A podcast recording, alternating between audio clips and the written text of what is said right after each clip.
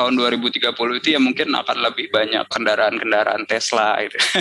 Yang sangat penting perlu di highlight adalah karena bahan bakarnya diganti dari bensin ya, bahan bakar minyak jadi listrik. Nah, listriknya harus dipastikan bersih ya.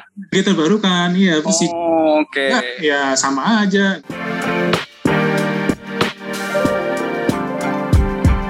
Hai sahabat TCID, kalian sedang mendengarkan podcast Suara Akademia, ngobrol seru isu terkini bareng akademisi.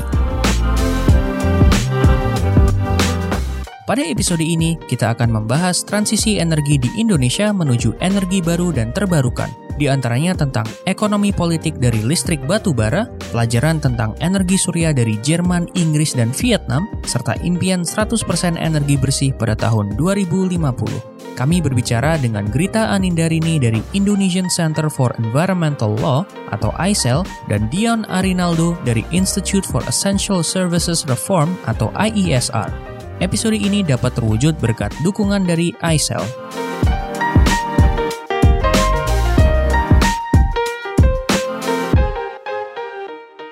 Halo halo semua sahabat The Conversation Indonesia, apa kabar? Semoga baik-baik saja. Nah, salam kenal buat teman-teman semua. Saya Robi Irvani Makoma, editor baru di rubrik lingkungan dan energi The Conversation Indonesia. Di sesi kali ini kita akan ngobrol bareng untuk para wawasan bareng Mbak Grita Anindarini. Akrabnya disapa Mbak Ninda, Deputi Direktur di Indonesia Center for Environmental Law atau ISEL. Uh, apa kabar Mbak Ninda? Baik, Mas Robi apa kabar? Alhamdulillah sehat. Semoga sehat. Uh, ya, semoga masih survive bertahan hidup di tengah. Haruslah. survive and expand. Semoga, semoga. Betul, amin, betul. amin. Oke. Okay. Narasumber yang kedua ada Mas Deon Arinaldo, Program Manager Energy Transformation. Ini untuk transformasi energi di Institute for Essential Service Reform atau disebut IES CSR. Nah, bagaimana kabar nih Mas Deon? Halo Mas Ruby, baik kabarnya. Halo, semoga sehat selalu ya. Coba. Kita semua sedang coba bertahan di situasi spesial ini. Nah, kita akan bedah lebih jauh nih soal transisi energi topik soal energi ini di medsos makin lama makin dapat perhatian sejak film Sexy Killersnya Watchdog atau misalnya rame foto soal Jakarta langitnya itu mendadak biru pas PSBB ya atau kemarin pas Pulau Komodo kebakaran. Nah itu semua tuh mengerucut ke topik transisi energi supaya mencegah bumi kita ini makin panas. Tapi sebelumnya kita harus tanya dulu nih ke Mbak Grita ya pertanyaan pertama mungkin buat teman-teman yang belum kenal, belum akrab sama istilah transisi energi. Apa sih transisi energi itu? Bisa dijelaskan nggak? Jadi memang sebenarnya ketika kita ngomong terkait dengan transisi energi itu adalah ketika kita mencoba untuk beralih gitu ya, bertransisi dari energi yang sekarang secara sehari-hari kita gunakan ke sistem energi yang baru. Sebenarnya ini nggak nggak sekali kita dalam konteks bertransisi energi ini gitu. Aku sempat baca juga riset teman-teman ISR. Ini tuh udah fase kita yang keempat dalam konteks transisi energi gitu ya. Jadi pada dasarnya mungkin dulu kita makanya energi yang lebih tradisional gitu sumber energinya yang mungkin ketemu apa sisa-sisa tanaman atau apa dibakar itu namanya biomass. Ketemulah apa yang namanya minyak bumi atau gas beralih ke energi yang lebih bisa dimanfaatkan untuk mendukung kegiatan dengan efisien ya minyak bumi dan gas. Lalu ditemukan juga batu bara beralih lagi ke batu bara yang katanya lebih murah. Yang sekarang lagi tren yang transisi transisi energi itu yang tahap sekarang ini adalah beralih dari energi fosil, jadi minyak, gas, batu bara, semua ke energi yang lebih bersih, energi terbarukan. Masing-masing ini memang berbeda, tapi yang paling recent ini bisa dibilang adalah memang kita mau membuat lingkungan kita lebih bersih, polusi kita lebih berkurang ya. Tadi langit Jakarta kalau bisa biru terus gitu ya. Itu salah satu alasan driver untuk transisi energi saat ini, walaupun ada tentunya driver-driver lain. Kalau di Indonesia ini memang masalahnya apa sampai perlu akhirnya transisi energi? Uh, Eh, transisi energi nggak hanya di Indonesia ya. Kalau saya ngomongnya mungkin dari global dulu. Untuk yang saat ini ini dimulai memang dari satu alasan yang sama yaitu terkait tadi yang pemanasan global dan perubahan iklim itu sendiri. Kalau kita cari tahu penyebab pemanasan global ini apa sih? Jadi pemanasan global ini mungkin sederhananya adalah rata-rata temperatur bumi itu naik ya dibandingkan dengan periode observasi sebelumnya. Naiknya ya kalau sekarang terakhir saya tahunya itu sekitar satu derajat, 1,1 derajat. Satu derajat budget doang gitu kan uh, ya nggak nggak cukup lah itu untuk bikin impact atau apa gitu tapi ternyata ada dampaknya pada struktur iklim bumi itu sendiri dan hmm. yang bisa membuat kerusakan yang lebih signifikan ya dampaknya pada kehidupan kita sehari-hari gitu itu alasan utamanya dari 20-30 tahun yang lalu dan tapi kalau buat Mbak yeah. Ninda nih hmm. emang Indonesia tuh pakai energi yang apa aja sekarang sampai akhirnya dia perlu untuk transisi energi gitu. Sumber energi apa sih yang dipakai di Indonesia itu? Kalau kita bicara sumber energi memang mostly yang kita gunakan sekarang adalah energi fosil. Energi fosil itu apa aja sih? Energi fosil itu sebenarnya eh, banyak ke energi-energi yang tidak dapat diperbarui gitu yang hmm. yang jumlahnya juga limited gitu kan. Uh, misalnya seperti minyak bumi, batu bara for sure, kemudian gas bumi, misalnya seperti itu. Nah, kalau misalnya misalnya kita ngomong dari sektor listrik aja misalnya, itu hampir sekitar 57 sampai 60-an persen itu kita masih bersumber dari batu bara sebenarnya uh, listrik kita. Makanya mungkin teman-teman udah pada nonton Sexy Killers juga kan di situ bagaimana kita masih sangat amat bergantung dengan uh, energi fosil khususnya batu bara untuk uh, listrik kita. Dan mungkin tadi aku coba tambahkan dulu dari Kadeon sebelumnya kenapa pada akhirnya kita harus bertransisi selain masalah kenaikan suhu bumi karena itu ternyata juga banyak dampaknya ke kesehatan kita sendiri gitu. Sudah banyak sekali riset yang bilang kalau PLTU batubara itu betul-betul uh, membawa uh, dampak kesehatan yang besar kepada uh, manusia gitu. Jadi kalau kita ngomong PLTU batubara itu kan dia menghasilkan banyak polutan-polutan gitu ya uh, yang bisa uh, menjadi sumber pencemaran udara. Ada namanya PM dua setengah gitu ya polutan sangat amat kecil gitu. Kemudian itu yang sangat beresiko untuk menimbulkan penyakit kronis gitu seperti hmm. stroke jantung iskemik kanker paru-paru itu sudah banyak sekali riset terkait dengan hal itu bahkan uh, bisa sampai menimbulkan kematian dini. Nah itulah yang jadi driver di samping masalah lingkungan juga ya uh, dan masalah kesehatan pada akhirnya kenapa kita harus bertransisi ke energi yang lebih bersih. Kira-kira gitu. Karena pada dasarnya kalau kita mau dapetin energi yang lebih terjangkau terjangkau ya di masa depan dan sebagainya itu justru memang harus melakukan transisi energi. Ya bisa dengan kondisi sekarang juga. Jadi secara ekonomis memang sudah ada dorongan juga secara global ya untuk ke energi terbarukan. Kenapa? Karena energi fosil sekarang sudah makin mahal.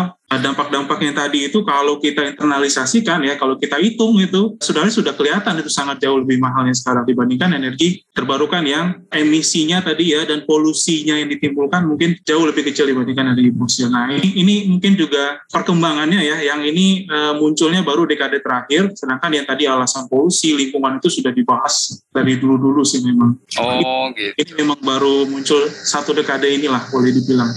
Tapi kenapa trennya itu lebih murah mas? Bukannya harusnya ini ya? Kalau gue baca-baca di berita sih, ya katanya batu bara lebih murah gitu. Oh, EBT ya. masih mahal nih energi terbarukan kayak surya, tenaga mikrohidro ya, yang air yang skala kecil kecil itu atau bendungan tuh kan jauh lebih mahal sorry. Ya ini lagi-lagi berangkat dari perubahan iklim dulu ya. Jadi perubahan iklim sudah membuat beberapa negara atau beberapa kelompok orang lah ya mencari solusi lah kira-kira kita ada sumber energi yang lebih bersih nggak sih? Adalah banyak riset penelitian tentang ah, apa sih sumber energi lebih bersih. Salah satunya yang dominan ya dibicarakan sekarang seperti yang Mas Lili bilang tadi surya sama angin ya, terutama surya mungkin. Ini ini risetnya sudah mulai terjadi berpuluh-puluh tahun yang lalu dan dampaknya dampaknya mulai kelihatan sekarang. Dengan riset yang makin banyak ternyata teknologinya itu bisa dibuat dengan uh, ada banyak inovasi ya di teknologinya sehingga teknologinya makin murah bisa diproduksi makin masif sehingga secara ekonomi juga makin murah dan begitu seterusnya. Dan ini trennya nggak belum terlihat lah bakal melandai. Jadi ini ya energi fosil kayak batu bara itu harganya ya segitu-segitu aja gitu.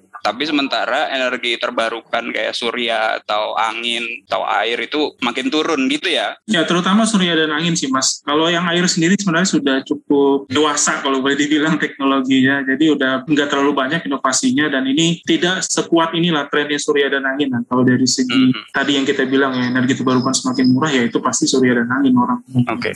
Jadi ada memang kenapa pada akhirnya ini batu bara ini kelihatannya murah, buat unquote ah. murah karena ada biaya-biaya eksternalitas tuh yang nggak kehitung gitu. Jadi seperti misalnya tadi biaya pencemaran lingkungan atau biaya kesehatan deh yang paling tangible gitu kan. Yang nanggung resiko karena kena polusi udara siapa misalnya gitu. Itu kan kita itu kan masyarakat. Dan resiko itu nggak hilang. Resiko itu jadi uh, resiko ditanggung oleh masyarakat. Instead of resiko yang itu diinternalisasikan oleh pemerintah ke dalam harganya itu sendiri. Kira-kira kayak gitu. Kalau resiko itu diinternalisasikan oleh pemerintah ke dalam harganya uh, harga listrik ya atau harga energinya misalnya itu akan kelihatan bagaimana batu bara harganya itu sangat mahal. Padahal itu sebenarnya kalau kita kita nggak menghukum dikit aja. Kalau kita nggak menghukum, sebenarnya kalau kita lihat di Undang-Undang Energi kita, Undang-Undang 30 tahun 2007, itu tuh sudah diamanatkan sebenarnya. Harga energi itu ditetapkan namanya berdasarkan nilai ekonomi yang berkeadilan. Yang mana nilai hmm. ekonomi yang berkeadilan itu termasuk di dalamnya yang harus merefleksikan nilai-nilai uh, lingkungan, biaya lingkungan, dan biaya uh, konservasi. Itu. Tapi kan biaya-biaya ini yang tidak diinternalisasikan gitu. Jadi seakan-akan murah gitu. Padahal karena ada faktor-faktor eksternal yang nggak dihitung. Uh, kalau nih nih misalnya kita transisi energi gitu ya. Nah itu kan setahu saya ada aturan kalau listrik itu ya harus terus berlanjut gitu, nggak boleh biar pet itu ada tuh pasalnya di undang-undang. Gimana si EBT ini memastikan itu gitu dibanding yang sekarang udah cukup mantep lah di kota-kota besar sih ya, di Jakarta, Surabaya gitu. Lalu gimana EBT memastikan itu? Uh, mungkin kalau di Indonesia PR-nya masih dari uh, segi bagaimana kita bisa mengakselerasi pengembangan EBT itu dulu gitu. Hmm. Jadi EBT-nya tuh harus bisa terpasang ya dibangun gitu dicepat dengan dari kecepatan sekarang. Sehingga ketika nanti si fosilnya kita mau kurangin nah si BT-nya udah bisa ngisi uh, kekosongannya. Sebenarnya ini Indonesia tuh udah cukup beruntung sih dari segi ini ya transisi ini sendiri kesiapan transisi. Kenapa? Karena kita sudah bisa ngambil contoh dari banyak negara lain di luar gitu yang sudah memulai proses itu sendiri gitu. Jadi kita bisa lihat itu uh, misalnya saya ambil contoh di Inggris sendiri gitu ya. Inggris itu udah beberapa tahun ini dia mulai uh, mengurangi PLTU batu baranya bahkan mungkin pembangkit listrik dari PLT batubara ya maksud saya ya. Bahkan mungkin sudah tahun 2000 2 3 tahun lagi udah tutup semua itu. Dia sudah memulai proses ini dari tahun 2000 dan kalau dilihat sekarang ada suatu hari di Inggris itu di mana seluruh energi listriknya itu disuplai oleh energi terbarukan dan itu sudah terbukti gitu loh. Artinya sudah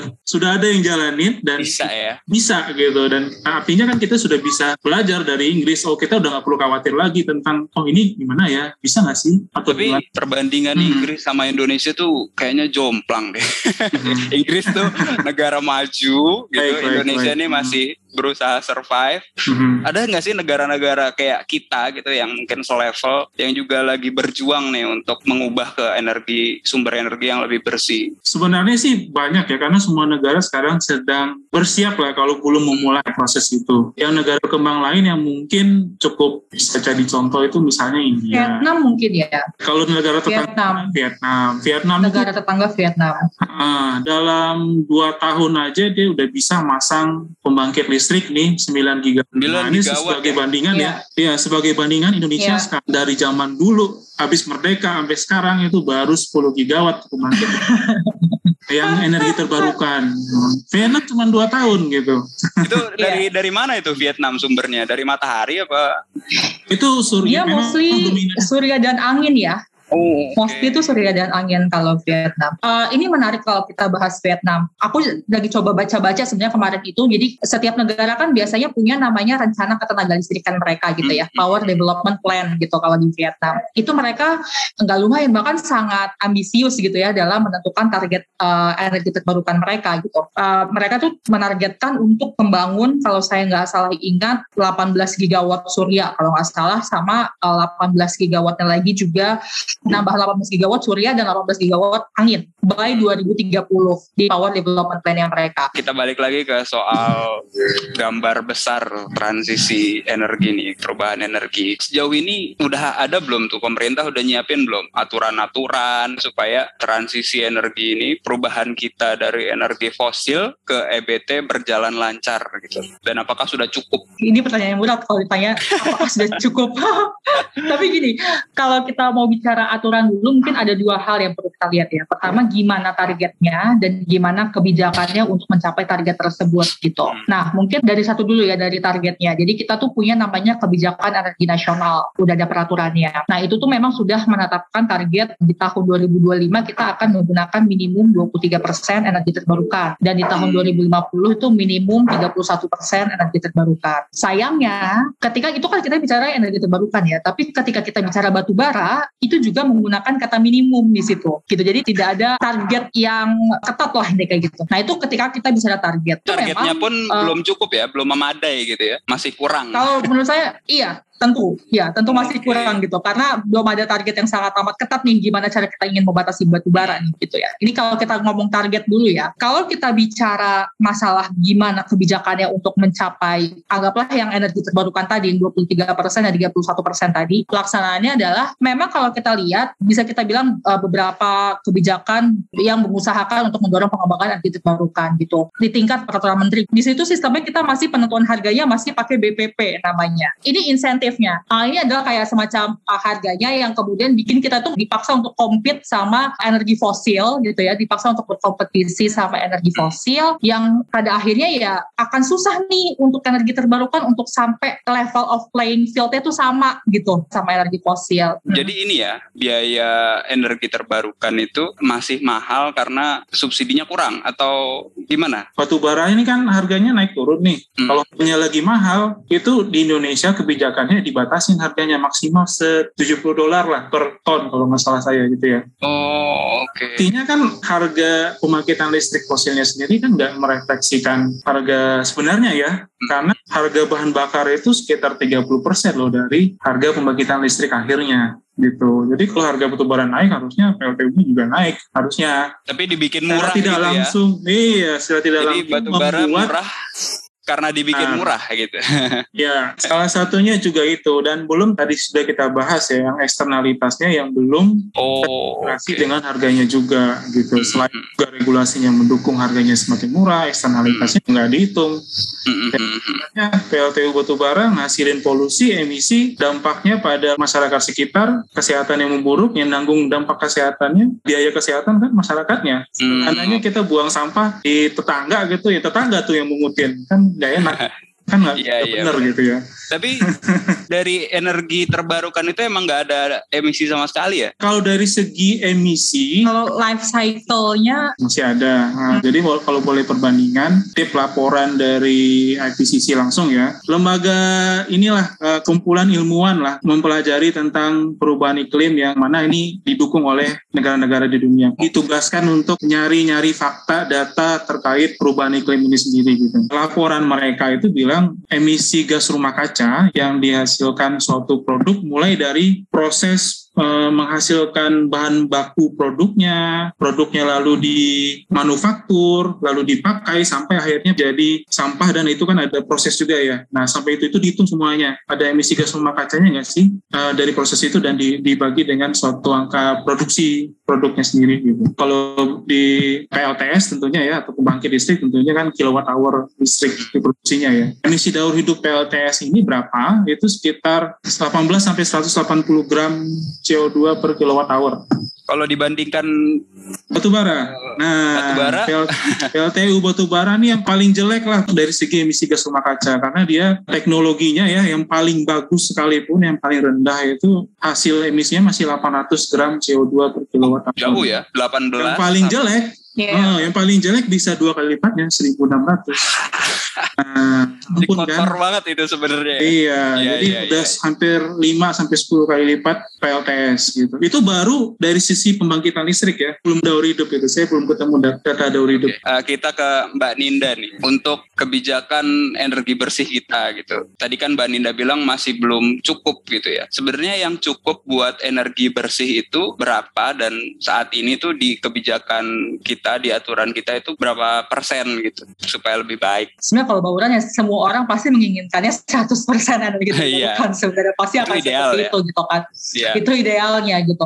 Cuma satu hal gini, ketika kita berbicara untuk bertransisi ke energi terbarukan uh, dan ketika kita bicara kebijakan ya, kita tidak hanya bicara gimana sih cara kita bisa ngasih insentif nih untuk energi terbarukan gitu. Tapi gimana caranya kita bisa mengendalikan produksi dan pemakaian untuk energi fosilnya itu sendiri. Itu yang penting gitu. Nah, sayangnya memang kalau kita lihat apalagi tren ya belakangan ini mungkin teman-teman juga sudah mengikuti gimana uh, undang-undang cipta kerja kemudian gimana revisi undang-undang minerba misalnya Kenapa itu justru yang ada adalah bagaimana insentif dan jaminan ini justru banyak diberikannya kepada batu bara kira-kira Hmm. begitu aku Jadi ambil semakin contoh hari misalnya batu bara itu terkesan diistimewakan gitu ya. ya kira-kira begitu kalau melihat trennya ya selama 2020 2000 ya nggak usah 2020 tapi karena 2020 nih ada kebijakan strategis seperti UU Cipta Kerja dan Undang-Undang Minerba revisi Undang-Undang Mineral dan Batu Bara itu yang justru semakin memperlihatkan bagaimana kecenderungannya untuk terus memproduksi batu bara Bisa karena dikasih contoh jaminannya itu Misalnya Iya. di Undang-Undang Cipta Misalnya Kerja ya. itu apa yang diistimewakan? Misalnya di Undang-Undang Cipta Kerja, mereka itu memberikan royalti 0%. Bayangin royalti 0% untuk mereka yang melakukan nilai tambah gitu ya dalam produksi batu bara. Royalti itu Eh, kayak semacam namanya ini tuh- ya, kayak semacam pajak gitu ya, atau apa? Ya, Pemerintah. Penjualan produksi harus ada pe- ya, nilai yang diberikan ke pemerintah itu royalti. ya Tapi itu nol. Kita balik ke energi terbarukan nih. Jadi untuk regulasi nih, untuk energi terbarukan itu eh, saat ini masih harus ditingkatkan ya untuk ininya ya target-targetnya ya. Betul. Dan nggak hanya targetnya, sebenarnya juga bagaimana kebijakan untuk mencapainya tadi gitu. Jadi aku pernah lihat salah satu laporan, kenapa Indonesia itu dianggap, eh, kenapa investor energi terbarukan itu enggan gitu ya masuk ke Indonesia. Salah satunya itu karena legal uncertainty-nya. Jadi Hmm. peraturan yang suka berubah-ubah, misalnya Hmm. begitu. Eh, kemudian peraturan yang tidak konsisten. Nah itu jadi salah satu barrier. Gini, kebijakan terkait dengan energi terbarukan ini tuh banyak diatur di level menteri gitu, di level peraturan menteri. Kalau peraturan menteri itu kan dia cenderung lebih cepat berubah gitu ya. Berubahnya juga nggak perlu persetujuan DPR misalnya kayak Suka-suka undang-undang. menterinya kan. gitu ya. Suka-suka menterinya. Iya, menterinya berubah bisa jadi berubah lagi gitu kan. Dan kemudian ada juga kadang-kadang kebijakannya tuh sektoral, terlalu sektoral misalnya. Jadi waktu itu aku ingat ada kebijakannya peraturan Menteri Keuangan terkait dengan pemberian insentif uh, untuk energi terbarukan terkait dengan pajak, tapi itu hanya bisa diakses untuk yang uh, proyek-proyek besar. Padahal Hmm. yang membutuhkan bantuan adalah proyek-proyek Yang kecil. kecil-kecil ya. Gitu. Jadi Oh. yang kecil-kecil. Jadi peraturannya itu banyak yang terlalu sektoral dan banyak yang lebih cepat berubahnya gitu. Itulah Hmm. kenapa kita pada akhirnya membutuhkan satu peraturan yang sebenarnya tingkatan lebih tinggi. Sebenarnya sekarang tuh lagi di- digagas namanya RUU energi terbarukan. RI, Hmm. RUU energi baru terbarukan. Rancangan undang-undang ya. Nah, jadi bisa di antara undang-undang atau peraturan pemerintah misalnya gitu, asalkan memang yang betul-betul sudah terkoordinasikan antara seluruh kementerian, kemudian yang tidak cepat berubahnya dan betul-betul bisa langsung dioperasionalisasikan. Jadi supaya semua lembaga itu juga punya semangat yang sama ya buat transisi Betul, energi ya. betul, Oke. betul. Nah sekarang kita ke ISR. Mas Deon, saya sempat baca itu kajian ISR bahwa sebenarnya Indonesia itu bisa tuh di tahun 2050 berarti sekitar 29 tahun lagi ya. Itu bisa tuh pakai 100% energi terbarukan gitu. Dan yang saya baca Indonesia kayaknya menurut kajian ISR itu bisa pakai PLTS jadi andalan gitu, jadi jagoannya. Kenapa PLTS yang kecil-kecil? Kenapa nggak langsung kita bangun pembangkit listrik tenaga air, membendung danau gitu, atau membendung sungai? Kenapa yang nggak gede langsung biar plus? Kita memakai suatu model yang sudah umum digunakan global sih, eh, yang dikembangkan oleh Universitas Lund University namanya di dari Finland, model eh, energy transition model. gitu. Eh, model ini mencoba mencari eh, solusi paling cost efektif, cost optimal ya biaya yang paling optimal Murah. untuk menghasilkan energi dan untuk me- mensuplai energi eh, memenuhi kebutuhan peningkatan permintaan energi tentunya. Dan itu it- hasil modelnya itu yang yang yang kita sampaikan. Oh ternyata modelnya sebenarnya memilih energi terbarukan 100% itu di tahun 2050 sebagai salah satu solusi ya memberikan cost yang sangat efisien gitu. Bandingkan dengan uh, satu lagi kita ada yang yang BAU bisnis digital ya atau boleh kita bilang ya nggak ngapa-ngapain itu yang akan terjadi gitu. Nah itu uh, kalau kita bandingkan dengan hasil yang uh, bisnis digital tersebut modelnya ternyata masuk energi costnya ya bisa 20-30 persen kalau saya tidak salah lebih murah gitu. Kenapa kita melakukan transisi energi ya biar energi yang kita nanti itu murah terjangkau. Oke oke oke oke. Jadi kalau di 2050 itu dengan 100% hmm. energi terbarukan justru biaya listrik kita lebih murah gitu. Iya biaya listrik dan biaya energi saya bilangnya energi ya artinya nggak hanya listrik tapi juga uh, energi yang kita pakai untuk kendaraan transportasi hmm. pakai oleh industri dan gedung komersial kita itu semuanya 100% bisa disuplai dengan energi terbarukan. Gitu. Nah kenapa surya? Surya sebenarnya model modelnya memilih memang cukup dominan energi surya sebagai pilihan. Kenapa? Itu salah satu alasannya adalah itu sumber energi yang paling melimpah di Indonesia. Uh, kita, kita katulistiwa gitu ya. iya, kita katulistiwa sinar mataharinya cukup konstan ya dibandingkan dengan negara Afrika atau Arab mungkin nggak sebaik mereka, tapi dibandingkan dengan the rest of the world lah, sisa dunia lain kita lebih baik. Bandingkan aja deh, Jerman aja yang yang sinar mataharinya mungkin boleh dibilang setengahnya kita lah mungkin ya sumber dayanya itu bisa tuh, mengembangkan energi surya. Indonesia yang dua kali lipat gitu loh sumber mataharinya ya. Maksudnya sinar matahari di suatu tempat ya, dalam sehari itu lebih banyak gitu. Di Indonesia dibandingkan Jerman itu harusnya bisa juga. Satu yang pertama energi surya itu melimpah dan studi kita juga melihat bahwa potensinya itu bisa di Indonesia sendiri itu maksimal ya kalau kita ngitung uh, semua lahan itu ya yang yang yang mungkin dipakai untuk bangun PLTS kita bangun PLTS itu bisa 20 ribu gigawatt. 20 ribu gigawatt. 20 ribu gigawatt. Nah, tadi saya sudah bilang kan kalau pembangkit listrik Indonesia sekarang baru 70 gigawatt. Nah itu mau sebagai perbandingan potensinya yang sangat besar itu sendiri. Dan juga uh, memang dari segi tren perkembangan inovasi teknologi dan tren investasi sejauh ini ya semuanya memang cenderung ke uh, energi surya sekarang. Jadi banyak pengusaha itu yang rame-rame bikin pabrik PLTS gitu. Nah, dan itu juga membuat ada terjadi namanya istilahnya economic of scale ya, skala keekonomiannya yang makin baik. Jadi riset makin baik makin murah gitu ya. Iya, riset developmentnya berjalan terus, orang makin banyak pasang, sehingga terus berjalan semakin murah. Nah, ini yang membuat proyeksinya energi surya itu bisa jauh lebih murah. Nah, ini sebagai bayangan aja, IEA, agensi yang cukup mumpuni lah ya kalau bilang ngomongin energi lah ya, orang bilang dari IEA yang ngomong IEA itu udah reliable lah boleh dibilang gitu ya. Dia ada masternya lah di dunia. Tahun 2020 dia mengeluarkan kajian World Energy Outlook. Jadi di situ mereka simpulannya uh, cukup jelas gitu bahwa energi surya sebagai raja listrik gitu. Oh. Jadi sumber listriknya itu dominannya akan dari surya. Dan itu menurut-menurut kajian mereka. Dan ini biasanya memang boleh dibilang kiblat ya, bukan Ka'bah juga. orang energi uh, kalau oh ya IE bilang gitu ya berarti memang chance reliability-nya cukup tinggi. Gitu. Uh, saya tanya ke Mas Dion lah, sekarang memang PLTS kita udah berapa banyak sih dan potensinya itu berapa? Kalau dari catatan kita, sebenarnya ada laporan SDM juga ya, baru sekitar 180 megawatt lah. 180 megawatt. Ya, itu ta akhir tahun 2020 ya saya ngomong. Hmm. Kalau sekarang saya belum tahu, belum mendapat angka yang terbaru. Potensi ya, yang bisa digarap itu berapa? Itu berapa persen dari potensinya? Berdasarkan uh, studi potensi ISR tadi itu kan kita ada 20 ribu kan kalau ke megawatt kali seribu lagi ya ada 20 juta megawatt tuh tapi baru dimanfaatkan 180 megawatt jadi potensinya sangat-sangat besar tapi itu memang satu persen itu nggak nyampe ya yang udah digarap nggak nyampe bang iya.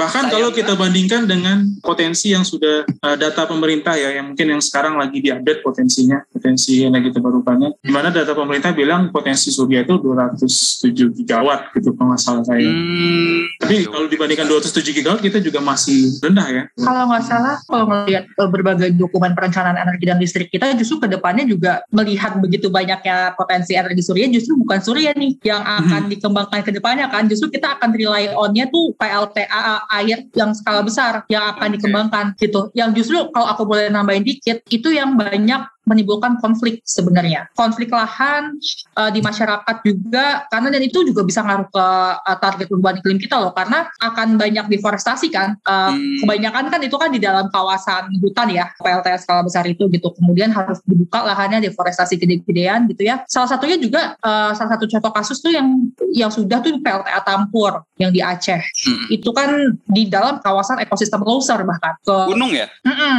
gitu. Jadi itu justru yang banyak konfliknya uh, yang dikhawatirkan gitu ya akan banyak menimbulkan konflik itu yang sebenarnya skala-skala besar. Bahkan kalau kita mau lihat di uh, aku agak lupa di ber, uh, di di US kalau nggak salah ya. Itu untuk large hydropower skala besar itu bahkan sudah dikeluarkan dari uh, sustainable energy gitu. Jadi mereka nggak ngelihat uh, large hydropower itu adalah energi yang sustainable. Karena justru akan menimbulkan konflik kemudian akan menimbulkan pembukaan lahan yang besar gitu. Itu sih okay, salah okay. satu jadi lebih banyak mudorot mudarat lah daripada manfaatnya gitu ya.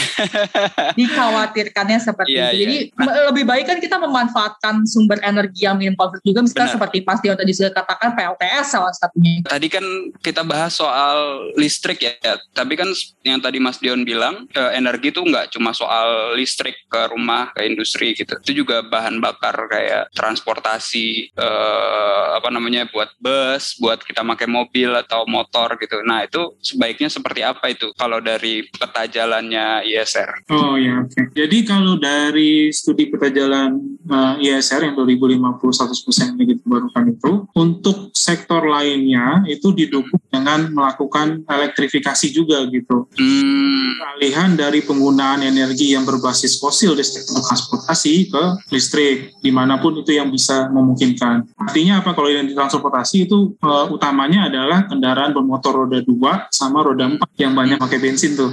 Mm-hmm. Jadi nah, diganti pakai kendaraan listrik. Ya, itu itu kalau dari hasil pemodelan kami ya. Hanya yang mungkin kendaraan besar ya, kereta atau pesawat gitu ya, dan truk-truk besar itu uh, menggunakan bahan bakar bersih. Bahan bakar bersihnya ya diproduksi menggunakan energi terbarukan. Contohnya apa? Bahan bakar bersih ini adalah hidrogen yang diproduksi dari listrik yang menggunakan energi terbarukan. Hmm. Atau ada ada lagi beberapa bahan bakar bersih lainnya seperti bahan bakar sintetis. Tapi ini memang butuh pengembangan. Jadi kalau dari uh, peta jalannya ini terjadinya kira-kira setelah tahun 2030 ke atas baru mulai berkembang. Jadi tahun 2030 itu ya mungkin akan lebih banyak kendaraan-kendaraan Tesla itu.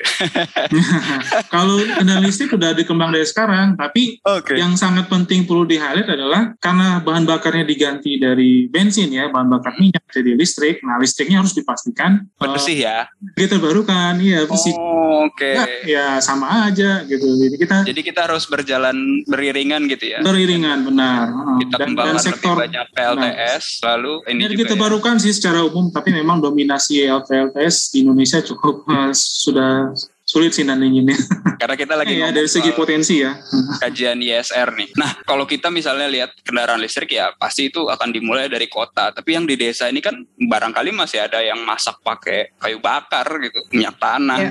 Nah, ini gimana transisi ini supaya lebih adil ke mereka gitu supaya mereka juga merasakan. Kalau saya sih lagi-lagi energi terbarukan ini kelebihannya juga yang mungkin kita belum bicarakan dari sebelumnya hmm. adalah mereka tuh lebih teknologi itu lebih demokratis lah. Kenapa kenapa demokratis? Kenapa? Karena bisa dibangun uh, sesuai dengan kebutuhan yang mau bangun gitu. Makanya kan itu ada PLTS atap kenapa ya? Karena kita bisa bangun di atap kita gitu dibandingkan dengan energi fosil yang biasanya kalau mau bangun ya harus uh, 100 megawatt, 200 megawatt, harus menyuplai kota gitu. Ada beban kota yang harus disuplai baru bisa approve lah itu pembangunannya. Nah ini juga artinya energi terbarukan ini juga bisa berpeluang untuk jadi solusi untuk menyediakan uh, akses energi ya bagi teman-teman kita, rekan-rekan kita di pelosok mungkin ya yang belum dapat listrik dan mungkin masih menggunakan energi yang tradisional seperti biomasa tadi. Jadi mungkin uh, solusinya mungkin ya harus dipikirkan lah bagaimana sebaiknya. Jadi kan tentunya itu butuh bantuan ya untuk menjadi. Kayaknya disubsidi tuh harusnya. Ya. Benar. Nah, kalau kalau itu kan harus bantuan. Nah. Oh. Iya. Dan memang pokoknya ini sih untuk teman-teman yang mungkin tinggalnya bukan di perkotaan tuh uh, mungkin kita nggak hanya melihat oh kita harus ganti dari yang kecil nih dari uh, gaya masak kita bisa seperti itu. Tapi dari sumber listrik pun itu sebenarnya juga bisa digunakan gitu ya. Sumber listrik sehari-hari juga bisa bertumbuh pada energi terbarukan gitu. Banyak kok sekarang desa-desa desa mandiri energi itu udah banyak banget campaign-campaign itu gitu uh, yang mereka misalnya menggunakan mikrohidro yang lebih dekat dengan uh, apa namanya dengan sumber energi mereka gitu. Dan tahun lalu ada sebenarnya ada satu inisiatif baik aku jadi ingat itu uh, ada Permen Desa, Peraturan Menteri Desa hmm. itu tentang prioritas penggunaan dana desa tahun 2021. Hmm. Itu di situ mengatur itu penggunaan dana desa untuk uh, pemulihan ekonomi uh, nasional itu diprioritaskan salah satunya itu untuk penyediaan energi bersih untuk desa tersebut untuk mewujudkan desa energi bersih dan terbarukan. Itu salah satu inisiatif yang baik tuh sebenarnya. Tapi ya sekarang PRS sebenarnya implementasi bagaimana uang itu betul-betul bisa digunakan teman-teman uh, yang di pedesaan untuk membangun. Karena itu uangnya sebenarnya bisa digunakan untuk pembangunan maupun pemeliharaan pembangkit gitu. Jadi bisa digunakan untuk apa pun. Jadi PR-nya adalah betul-betul memastikan kalau uang ini nantinya betul-betul digunakan untuk pembangunan energi, uh, desa energi bersih ini. Dan satu lagi yang penting apa? Ya pengembangan kapasitas untuk masyarakatnya sendiri gitu. Karena kalau kita lihat banyak juga sudah dibangun nih misalnya PLT mikrohidro misalnya ya di desa tersebut. Tapi kemudian masyarakat nih nggak tahu gimana caranya maintenance-nya gitu. Akhirnya terbengkalai akhirnya nggak kepake lagi. Buat pemerintah itu apa yang harus didorong supaya ini bisa cepat terwujud nih transisi energi? Kalau aku satu kalau kita bicara dari segi kebijakan dulu ya uh, ketika kita bicara dari segi kebijakan betul-betul menerapkan target yang ambisius dulu untuk pengembangan energi terbarukan dengan cara satu yang menetapkan target yang ambisius untuk energi terbarukan itu sendiri dan mengendalikan produksi dan konsumsi pemakaian energi fosil gitu. Dan menetapkan target yang sangat amat ketat untuk uh, pembatasan energi fosil tadi. Itu satu. Buat aku yang paling penting adalah bagaimana pemerintah itu perlu untuk melibatkan masyarakat dalam setiap pengambilan keputusan gitu. Hmm. mulai dari tahap perencanaan gitu. Dari tahap perencanaan energi kita sampai tahap project per project gitu. Karena kadang-kadang masyarakat itu nggak tahu gitu oh mau ada pembangunan PLTU loh di samping rumah saya gitu. Oh mau ada pembangunan PLTA nih PLTA skala besar nih di rumah saya gitu. Padahal mungkin yang masyarakat inginkan di sana dan yang masyarakat udah tahu cara ngebanginnya adalah PLTS Surya misalnya. Mungkin yeah. masyarakat memilihnya PLTS Surya misalnya hmm. instead of PLTU, instead of PLTS skala besar misalnya. Jadi pelibatan masyarakat dari awal dari tahap hulu itu uh, sangat amat penting sih bukan hanya dalam konteks mereka bisa memilih tapi dalam konteks ya masyarakat juga aware dan jadi nyari tahu dan masyarakat juga akan otomatis akan meningkat juga nih understanding mereka soal apa yang akan terjadi di sekitar mereka. Kalau dari Mas Deo nih, apa yang harus segera dilakukan pemerintah biar transisi energi bisa tercapai lah di 2050 gitu? Yang paling penting itu adalah political will lah, apa sih bahasa Indonesia-nya ya, yang cukup jelas. Jadi jangan sampai ambigu lagi dalam artian kalau memang kita mau melakukan transisi energi ya jelas political will itu sudah datang dari presiden ya langsung ya mungkin kita mau bangun energi terbarukan dan dan menghentikan pembangunan fosil. Jangan uh, yang kayak sekarang. Kalau sekarang kan uh, dua-duanya didorong gitu. Nah ini kan me menimbulkan ini ya sinyal yang oh ya kita masih bisa fosil nih. Ini kan uh, membuat sinyal yang tidak jelas pada semua pemangku kepentingan terkait. Baik itu kalau pemerintahnya, bawahannya ya kementerian, bahkan juga mungkin dari swasta gitu ya. Mungkin swasta kan yang tentunya juga harus bergerak untuk mendukung uh, pembangunan itu terbarukan itu sendiri. Yang mereka yang punya modal juga kan sebagainya. Itu itu harus jelas dulu dari sana. Harus ada tekad baja dari pemerintah. Hmm, benar. Hmm. Naikkan energi terbarukan dan iya. menurunkan batu bara nih terutama sama iya. minyak. Kalau kalau dua-duanya ya regulasi-regulasi yang kita bahas tadi itu masih akan gagal fokus.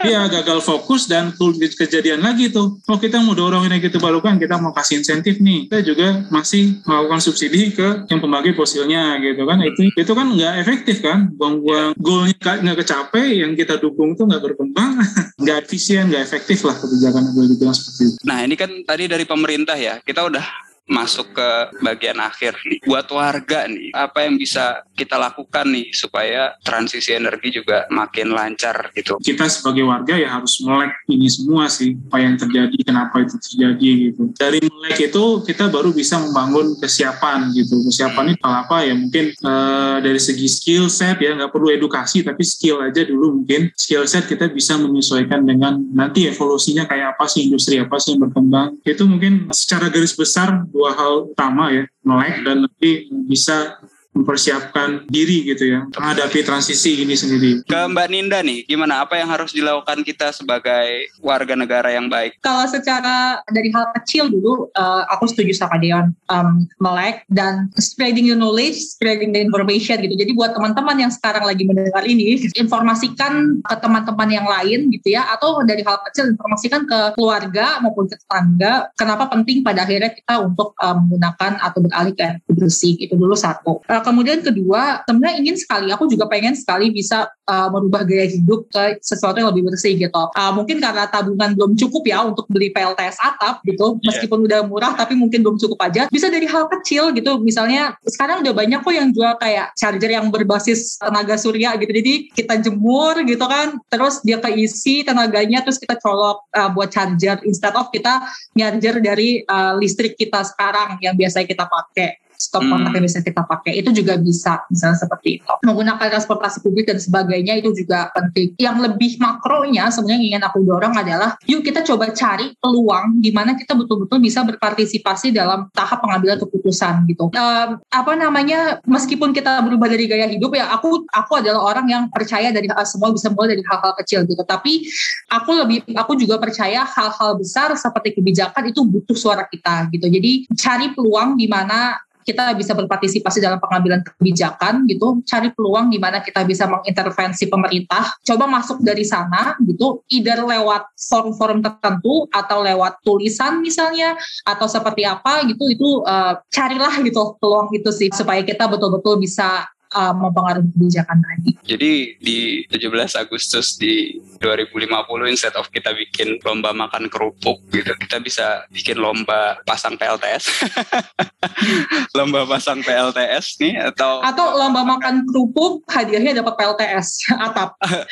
Saya mau ikut kalau kayak gitu. Bener-bener itu itu ide bagus tuh jadi door prize ya atau giveaway dari selebgram gitu ya giveaway PLTS nih Mas Deon mungkin bisa mulai nih kayaknya punya banyak pengikutnya di sosial media. Dan yang pasti mudah-mudahan di 17 Agustus 2050 gitu ya langit kita bisa lebih biru. Kita bisa lebih Itu. bernapas lebih baik ya Mas Deon dan Mbak Ninda ya. Karena kita sudah sampai di akhir uh, sesi. Tadi sempat dibilang sama Mas Deon dan Mbak Ninda kalau potensi energi terbarukan kita apalagi energi sinar matahari itu sangat gede gitu jauh lebih gede dibanding batu bara mungkin. Tapi kebijakannya masih kurang mendukung gitu ya. Justru yang didorong sekarang malah energi fosil gitu ya. Listrik dari batu bara atau bensin premium pertamax gitu ya. Nah kita harus ada target ya untuk mengurangi pembangkit batu bara itu ya. Dan fokus di kebijakan mengembangkan energi bersih. Nah tadi juga sempat disinggung ya soal warga gitu. Warga ini juga kita harus terlibat mulai dari gaya hidup yang sederhana gitu. Mungkin pakai tadi Mbak Dinda bilang pakai charger itu ya, charger energi surya itu udah banyak bisa dibeli. Mempersiapkan gaya hidup yang lebih hijau, lalu cari peluang nih gitu ya, melek informasi supaya kita bisa terlibat dalam peraturan-peraturan yang berpihak sama energi terbarukan. Itu ya Mas Deon dan Mbak Grita ya. Oke, kita sudah sampai di akhir acara. Terima kasih banyak para pemirsa audiens podcast CCID. Gitu. Terima kasih banyak untuk Mbak Grita Anindarini dan Mas Deon Arinaldo, gitu ya. Mbak Grita dari ISL dan Mas yeah, Deon dari ISR udah bergabung di podcast Suara Akademia CCID uh, kali ini dan jangan lupa pantau terus podcast-podcast terbaru nantinya yang akan terbit setiap kan lalu juga artikel-artikel seputar lingkungan terbaru di The Conversation gitu karena Mas Deon sama Mbak Ninda juga juga akan ngisi nih artikel-artikel The Conversation. Lalu jangan lupa pantau akun media sosial The Conversation uh, di Twitter Twitter, YouTube, Facebook maupun Instagram dan uh, akun medsos ISR dan ISL juga nih. ISL di ISL underscore Indo ya Instagramnya ya dan Ya, ISR betul. ada di isr.id. Oke, kalau begitu dari saya cukup sekian. Terima kasih banyak untuk para narasumber dan para pendengar. Saya pamit. Salam. Kalian telah mendengarkan podcast Suara Akademia, ngobrol seru isu terkini bareng akademisi.